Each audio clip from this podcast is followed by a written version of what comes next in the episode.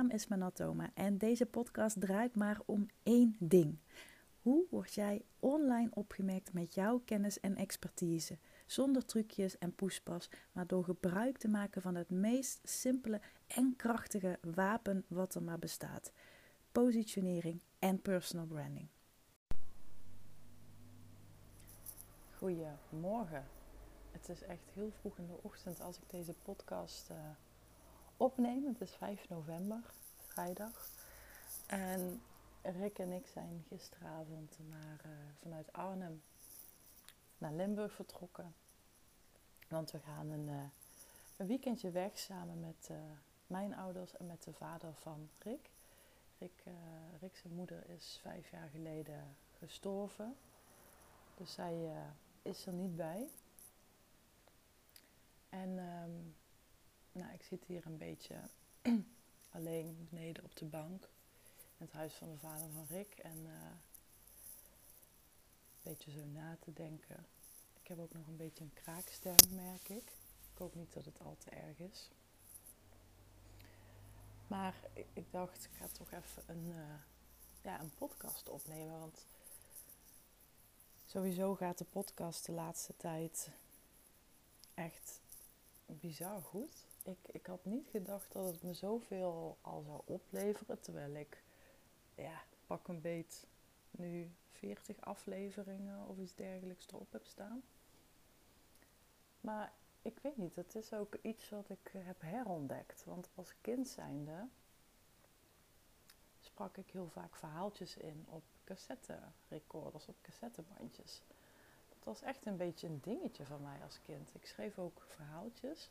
Dan had ik een tijdschrift, uh, of uh, geen tijdschrift, hoe heet het? Een, uh, een schriftje om in te schrijven. Gewoon een lijntjeschrift. En dan ging ik daar verhaaltjes in schrijven. En, en ook bandjes inspreken.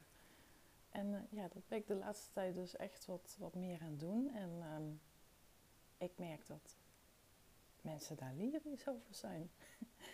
En dat verbaast me dan enigszins, omdat ik dan denk van ja, ik, ik zit maar gewoon een beetje te kletsen voor mijn gevoel. Maar kennelijk zeg ik toch hele zinnige dingen. En ik hoop dat ik dat in deze podcast voor jou ook mag doen. Als je deze podcast luistert, dan uh, is het waarschijnlijk een paar weken verder. Want ik plan mijn podcast nu gewoon uh, vooruit. Vind ik wel handig. Maar goed, even terugkomen naar, um, ja, naar, naar wat ik wil zeggen. Want wat ik wil zeggen is iets over het fenomeen vrijheid. Ik hoef Instagram maar te openen en het gaat ofwel over heel veel geld verdienen van 50.000 in de maand tot letterlijk 5 miljoen per jaar. En ik denk dan oprecht, ja, is dat het? En daarmee wil ik niet zeggen dat ik geen interesse heb in geld. Dat heb ik wel degelijk. I love it. Maar ik weet ook dat ja, dat, het, dat het op een gegeven moment niet meer meer voor je doet. En het andere wat ik dan heel vaak zie is dat begrip vrijheid, waar iedereen het altijd over heeft. Hè, vrijheid is een kernwaarde. Dat, nou, dat lees ik echt standaard bij heel veel ondernemers, ook heel veel klanten van mij. Maar wat ik dan ook altijd vraag is, maar leg me dat dan eens uit. Wat het voor jou betekent. Want vrijheid voor mij betekent iets heel anders dan vrijheid voor een gevangene. En daar gaat het denk ik al mis. Is dat je een heel nou, populaire term gebruikt, waar niks mis mee is, maar wat je niet kan specificeren. En ik denk dat het daarmee begint. En als ik hier nu zo zit, dan. Uh, dan moet ik ook denken aan mijn schoonmoeder, Leanne. die op 61-jarige leeftijd al overleed. En ja, ik weet toen ik klein was, jong was, dat ik die leeftijd heel oud vond. Maar nu ik zelf richting de 40 ga, ik heb nog een paar jaar, maar goed, even goed, het komt, uh, het komt langzaam in zicht, denk ik wel, oh, dat is echt helemaal niet oud. Dat is echt nog heel jong. En dat was even zo'n realisatiemomentje dat ik dacht, ja, waar hebben we het toch met z'n allen af en toe over, hè? En ik weet dat vooral Instagram daar heel, heel erg in is. Althans voor mij, maar dat is misschien ook weer het algoritme of de bubbel. Ehm, dat ik het toch regelmatig onder ogen krijg. Maar ja, ik, ik, ik heb daar gewoon een, uh, ja, een eigen visie op, denk ik. En ik merk ook dat mijn klanten daar ook steeds meer op, op, uh, op aanhaken. Zo had ik laatst een klant die een miljoenenbedrijf heeft gehad, of gerund, die echt het roer compleet heeft omgegooid. Heel knap. Daar moet je lef voor hebben, want nou, de meeste mensen kunnen van dat soort bedragen alleen maar dromen, denk ik. Op een enkeling natuurlijk na. Of ja, of het echt een enkeling is, dat is natuurlijk ook niet helemaal waar. Maar het is niet iedereen die het doet. Maar bij haar gingen er op een gegeven moment heel andere dingen spelen. ze zei ook van ja, ik moet er enorm veel voor doen. Ik moet er ook enorm veel voor laten je hebt eh, toch al snel een aantal mensen in je team, heel veel kosten, um, gedoe, altijd aan het werk, altijd maar bezig. En ja, het was, gewoon, het was gewoon tijd om daar afscheid van te nemen. En wat zij ook zo mooi zei was, ja, geld is voor mij niet meer de allergrootste drijfveer. Dat is het wel jarenlang geweest. En dat hele begrip financieel vrij, dat is zo'n uitgemroken begrip, want daar kun je ook je eigen, je eigen draai aan geven. En dat zette me toen zelf ook wel aan het denken. Dat ik dacht van ja, hoe, hoe belangrijk is dat dan voor mij? En toen kwam ik op het begrip comfortabel. En ik weet dat er ook heel veel mensen zijn die zeggen: um, ja, dat je uit je comfortzone moet stappen en dat daar je groei zit. En ja, dat, dat zal best. En dat is ook. Soms moet je gewoon iets doen wat je eng vindt. Maar aan de andere kant denk ik ook van ja, waarom zitten we elkaar daar zo in te pushen dat we uit die comfortzone moeten stappen om te groeien? Kan het niet zo zijn dat als je juist in je comfortzone zit, dus het gebied waar jij op je best bent, waar jij je lekker in je vel zit, waar je doet wat jij te doen hebt, dat je juist daardoor gaat groeien op jouw manier, op een tempo wat bij je past en volgens doelen die bij jou passen. want mijn doel hoeft jouw doel niet te zijn en andersom. Dus ja, neem dat even mee. Wat dat stukje comfortabele voor jou betekent. En toen kwam er nog iets anders ter sprake. Zij noemde het, um, zij had dat kennelijk opgepikt, dat ik het vaker heb over de 4-hour work day. Want je hebt natuurlijk dat, dat hele bekende, beroemde boek van Tim Ferriss. En dat heet natuurlijk de 4-hour work week. Uh, ik moet zeggen, ik heb het wel gelezen. Ook omdat het nou ja, echt het boek is voor ondernemers. Dat werd dan vaak een beetje zo, uh, zo gezegd. En ja, natuurlijk, er staan echt wel een paar uh, concepten in waar je iets mee kan. Maar over het algemeen heeft het mij niet heel erg gepakt. Maar dat, dat is misschien ook omdat ik al ja, ik lees zo ontzettend veel, is dat ik misschien al dergelijke dingen al heel vaak had gelezen en dat dat al heel erg in mijn ja, systeem zat uh, of zo. dus ja, zij, zij vond dat, dat dat concept van mij, om het dan zo maar even te noemen, de 4-hour work day, dat vond ze heel aansprekend. Ze zei van, want ik heb ook helemaal niks met dat moeiteloos ondernemen. Dus dat je echt met, uh, met een paar klanten per jaar uh, tonnen en miljoenen verdient. Of juist door heel veel massa te leveren. Dus heel veel online cursussen te verkopen of producten of wat dan ook. En zij zei, ik wil gewoon ook dat stukje comfortabele. Dat ik nou, bijvoorbeeld in de ochtend uh, mijn kindjes naar school breng. En dat ik daarna lekker een stukje ga hardlopen in het bos. En dat ik dan terugkom en dat ik dan lekker een kopje thee zet of een kopje koffie.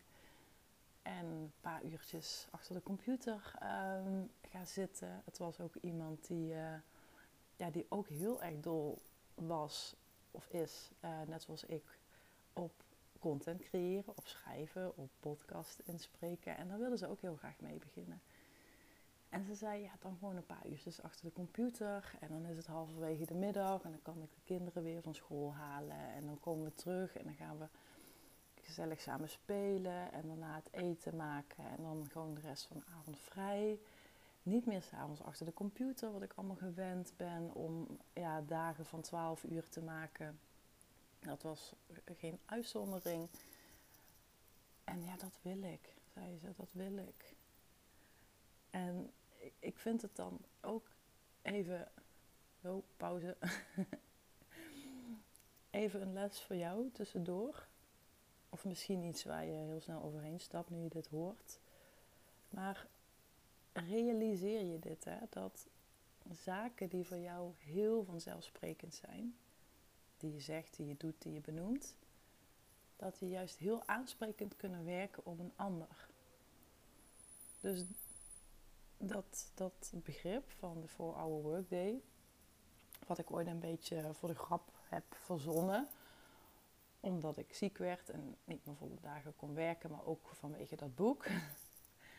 en ja, kennelijk vinden mensen dat soort van grappig en uh, haken ze erop aan. Maar het is natuurlijk ook echt omdat ik er wel echt naar leef. Ik ben heel kritisch en heel selectief op mijn tijd. En natuurlijk maak ik het af en toe eens uitschieters, dat ik wel een dag vol maak. Maar dan weet ik ook, dat pluk ik de dag daarna, pluk ik daar de vruchten van. Want dan ben ik gewoon, ja, ben ik gewoon op. En een ander punt wat ik terugkreeg was, ja, ik zie ook mensen die dan hele dagen op Instagram zitten, die echt continu Instagram stories maken, die altijd dat knipperende rondje hebben branden, om het zo maar te zeggen. Dus dat ze stories maken. En ze zegt, ja, dat wil ik absoluut niet hoor. ik wil absoluut niet alleen maar met Instagram bezig zijn. En Sterker nog, ik wil ook gewoon af en toe van Instagram weg zijn. Ik wil het gevoel hebben dat dat kan. Dat dat uh, geen probleem is. En dat ik gewoon echt letterlijk weken of langer of dagen gewoon weg kan zijn. En dit was ook een persoon die, um, ja, die eigenlijk ook zei van ik wil ook niet van één ding afhankelijk zijn. En dat is natuurlijk iets wat ik zelf ook heel erg uh, nastreef. Ook weer door mijn ziekte. Dat ik, um, en ik weet ook dat je dat ook, dat dat ook een stroming is. Uh, het high-end ondernemen, het high-end ondernemersprincipe of het high-value ondernemersprincipe, hoe je het ook noemen wilt.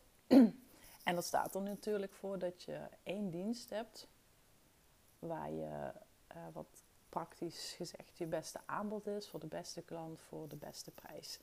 dus dan hebben ze het meestal over jezelf zo hoog mogelijk in de markt positioneren. En nou, ik vind sowieso dat dat ehm, wel heel simplistisch is en dat er meer nodig is. Want als iedereen zich boven in de markt gaat positioneren, dan raakt dat stukje ook weer verzadigd. En dan zul je toch uiteindelijk met een onderscheidende propositie moeten komen. Want puur en alleen maar boven op het dak gaan zitten, om het zo maar even te zeggen.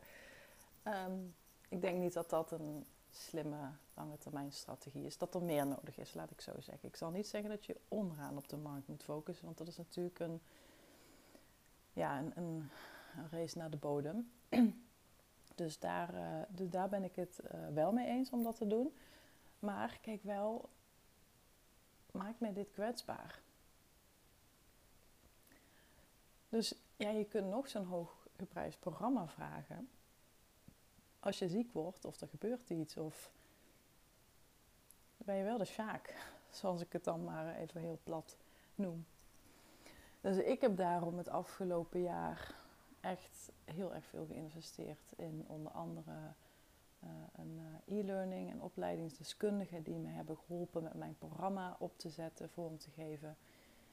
En dat kan ik dus ook echt letterlijk online draaien met een stukje groepsbegeleiding erbij. Dus dat maakt natuurlijk nog niet helemaal dat ik ja, on, on, on, uh, niet kwetsbaar ben, dat ik in die hangmat kan liggen en dat het allemaal gebeurt. Ik ben heel bewust nog dat ik uh, ja, dat stukje één op één, dat stukje begeleiding ook in een groep wil bieden. Maar ik weet wel dat ik wel de stappen nu aan het zetten ben om zoiets voor mezelf te creëren. Het hoeft natuurlijk niet per se een online programma te zijn. Hè. Het kan ook zijn dat je bijvoorbeeld een boek schrijft. Want een boek vind ik ook echt een heel interessante asset, zoals ze het dan uh, noemen. Uh, niet per se dat je er rijk van wordt van een boek. Ik zie het echt wel meer als een marketingmiddel. Maar het kan je wel veel opleveren weer voor een ander product of voor een andere dienst. En je kunt natuurlijk ook denken aan een team. dus een team waar je dingen aan over kan dragen. Dus ook daar ben ik nu wat stappen in aan het zetten om in ieder geval te kijken naar een soort, ja, hoe moet je het noemen? Ik, ik wil geen mensen vast in dienst, daar ben ik tot nu toe, ja, ik kan morgen anders zijn hoor, maar tot nu toe heb ik, ben ik daar heel bewust in dat ik dat niet wil. Ik wil echt mijn kosten laag houden, zo laag mogelijk in ieder geval, zonder te beknibbelen op, op kwaliteit of goede tools of wat dan ook. Maar ik heb soms ook wel eens mensen die, nou, die alleen voor een bedrijf al 10.000 euro kosten in de maand maken. En kijk, als jij dan hoge prijzen vraagt, dan, dan is de marge misschien aan zich nog heel erg hoog. Maar ja, is dat slim? Is dat echt de weg die je wilt bewandelen? Ja, het kan een keuze zijn natuurlijk, maar het is niet mijn keuze. Laat ik het daarop uh, ophouden. Voor mij is het dus heel belangrijk om nu onderdelen en componenten te ontwikkelen naast mijn één op één, naast mijn groepsbegeleiding, om ja, te zorgen dat ik dat mijn bedrijf bezig blijft. En dat is natuurlijk wel een weg van de lange adem. Ik heb bijvoorbeeld ook gekeken naar SaaS-oplossingen. Um, maar dat zijn natuurlijk wel echte investeringen um, ja, waar je dan niet zeg maar met een paar duizend euro uh, bent. Maar ik ben er wel me aan het verdiepen. Dus mijn vraag is ook aan jou, als jij ook hiermee speelt en je wilt ook, zoals ik dat dan noem, diversiteit in je aanbod. Aan wat voor soorten producten of diensten of modellen, verdienmodellen kun je dan denken? Wat zou je kunnen doen om ervoor te zorgen dat je tussen haakjes veilig bent? Want nogmaals, al vraag je een miljoen voor je dienst, voor je begeleiding, voor je advies, als je morgen ziek wordt en een ziekenhuis komt te liggen of wat dan ook, dan ben je gewoon de sjaak. En ik denk uiteindelijk, als ik, ik kijk heel graag naar de echte succesvolle grote ondernemers, dan zorgen zij dat ze een bedrijf hebben wat niet helemaal meer afhankelijk is van hen. En dat is natuurlijk best lastig hè? als je dienstverlener bent en je bent tussen haakjes een kleine ondernemer. Dus je bent gewoon zelfstandig en je hebt misschien een paar mensen in je team, maar daar houdt het dan ook mee op. Dan is dat lastig. Maar ik vind het dus heel uitdagend wel om daarover na te denken. Ik vind dat heel, ja, ik vind dat heel interessant en boeiend om me daarin te verdiepen. En um, ja, lang verhaal kort. Waar draait het nu om? geld of tijd of energie. Dat zijn natuurlijk de drie pijlers die ik altijd gebruik. je, wat is je omzet in geld, wat is je omzet in vrije tijd en wat is je omzet in energie. En ja, wat doe je als je het geld hebt? Als dat er gewoon al is. Wat gaat dan voor je tellen? En dan kom je altijd terug op tijd. En ik zeg dat natuurlijk zo vaak. Geld is net als ademhalen. Dat komt erin, gaat er ook weer uit. Komt er weer in, gaat er weer uit. Er zit een soort ja, ritme in, flow, hoe je het ook noemen wilt. Maar tijd is weg. En tijd wordt steeds belangrijker naarmate je geld verdient. Dat ervaar ik en dat ervaren mijn klanten. En mijn klanten zijn ook allemaal heel erg bezig met dat begrip vrijheid. En dat betekent inderdaad voor de een dat ze door biezen pakt en op wereldreis gaat. Voor de ander betekent het dat ze maar halve dagen werken. Voor de ander betekent het dat ze gewoon kunnen doen en laten wat ze willen. Kunnen uiteten, weekendje weg, een keer een mooie nieuw paar schoenen kopen. Maar ook geven. Geven, dat is ook echt een hele belangrijke van mijn klanten. Ze zijn allemaal op een bepaalde manier wel bezig met ofwel uh, mantelzorg, heb ik, uh, heb ik gekend, heb ik gehad. Ofwel doneren aan goede doelen. Ofwel een bepaalde actie opzetten om geld op te halen voor een, voor een goed doel. Of meerennen met een marathon om geld op te halen voor gezondheidsonderzoek. Nou, ik heb natuurlijk Sixtaal waar ik, um, waar ik dingen voor doe. En zo hebben we allemaal wel een bepaalde manier van ja, impact maken. En impact maken is natuurlijk ook een beetje zo'n zo'n zo'n begrip waar je alle kanten mee op kan. Maar ja, dat is wel waar het op neerkomt. Het zijn niet de mensen die alleen maar bezig zijn met geld verdienen, geld verdienen, geld verdienen. Nee, er gaat op een gegeven moment gewoon meer spelen. En dan kom je toch weer terug op dat stukje vrijheid. De vrijheid hebben om dat te doen en die vrijheid voor jezelf creëren. En daar heb je geld bij nodig. Dus ja, ga daar eens over nadenken. Hoe jij dat stukje vrijheid voor jezelf inricht. Is dat ook een belangrijke kernwaarde voor jou? En zo ja, wat betekent vrijheid dan voor jou? Stuur me een berichtje op Instagram, vind ik, uh, vind ik tof. Inmiddels gaan hier geautomatiseerd door rolluiken open. Ik zat in de woonkamer. ik ga mijn koffie even opdrinken, want die zal inmiddels wel koud zijn. En uh, ja, dit wilde ik gewoon even met je delen. Een soort hersenspinseltje. Zonder echt een hele duidelijke structuur. Toch hoop ik dat het je ja, misschien wat inzichten heeft gegeven. Um, wat aha-momenten heeft bezorgd. En uh, wens ik je voor nu gewoon weer een uh, mooie, opmerkelijke dag. Zet hem op weer. En uh, ik spreek je snel. Bye bye.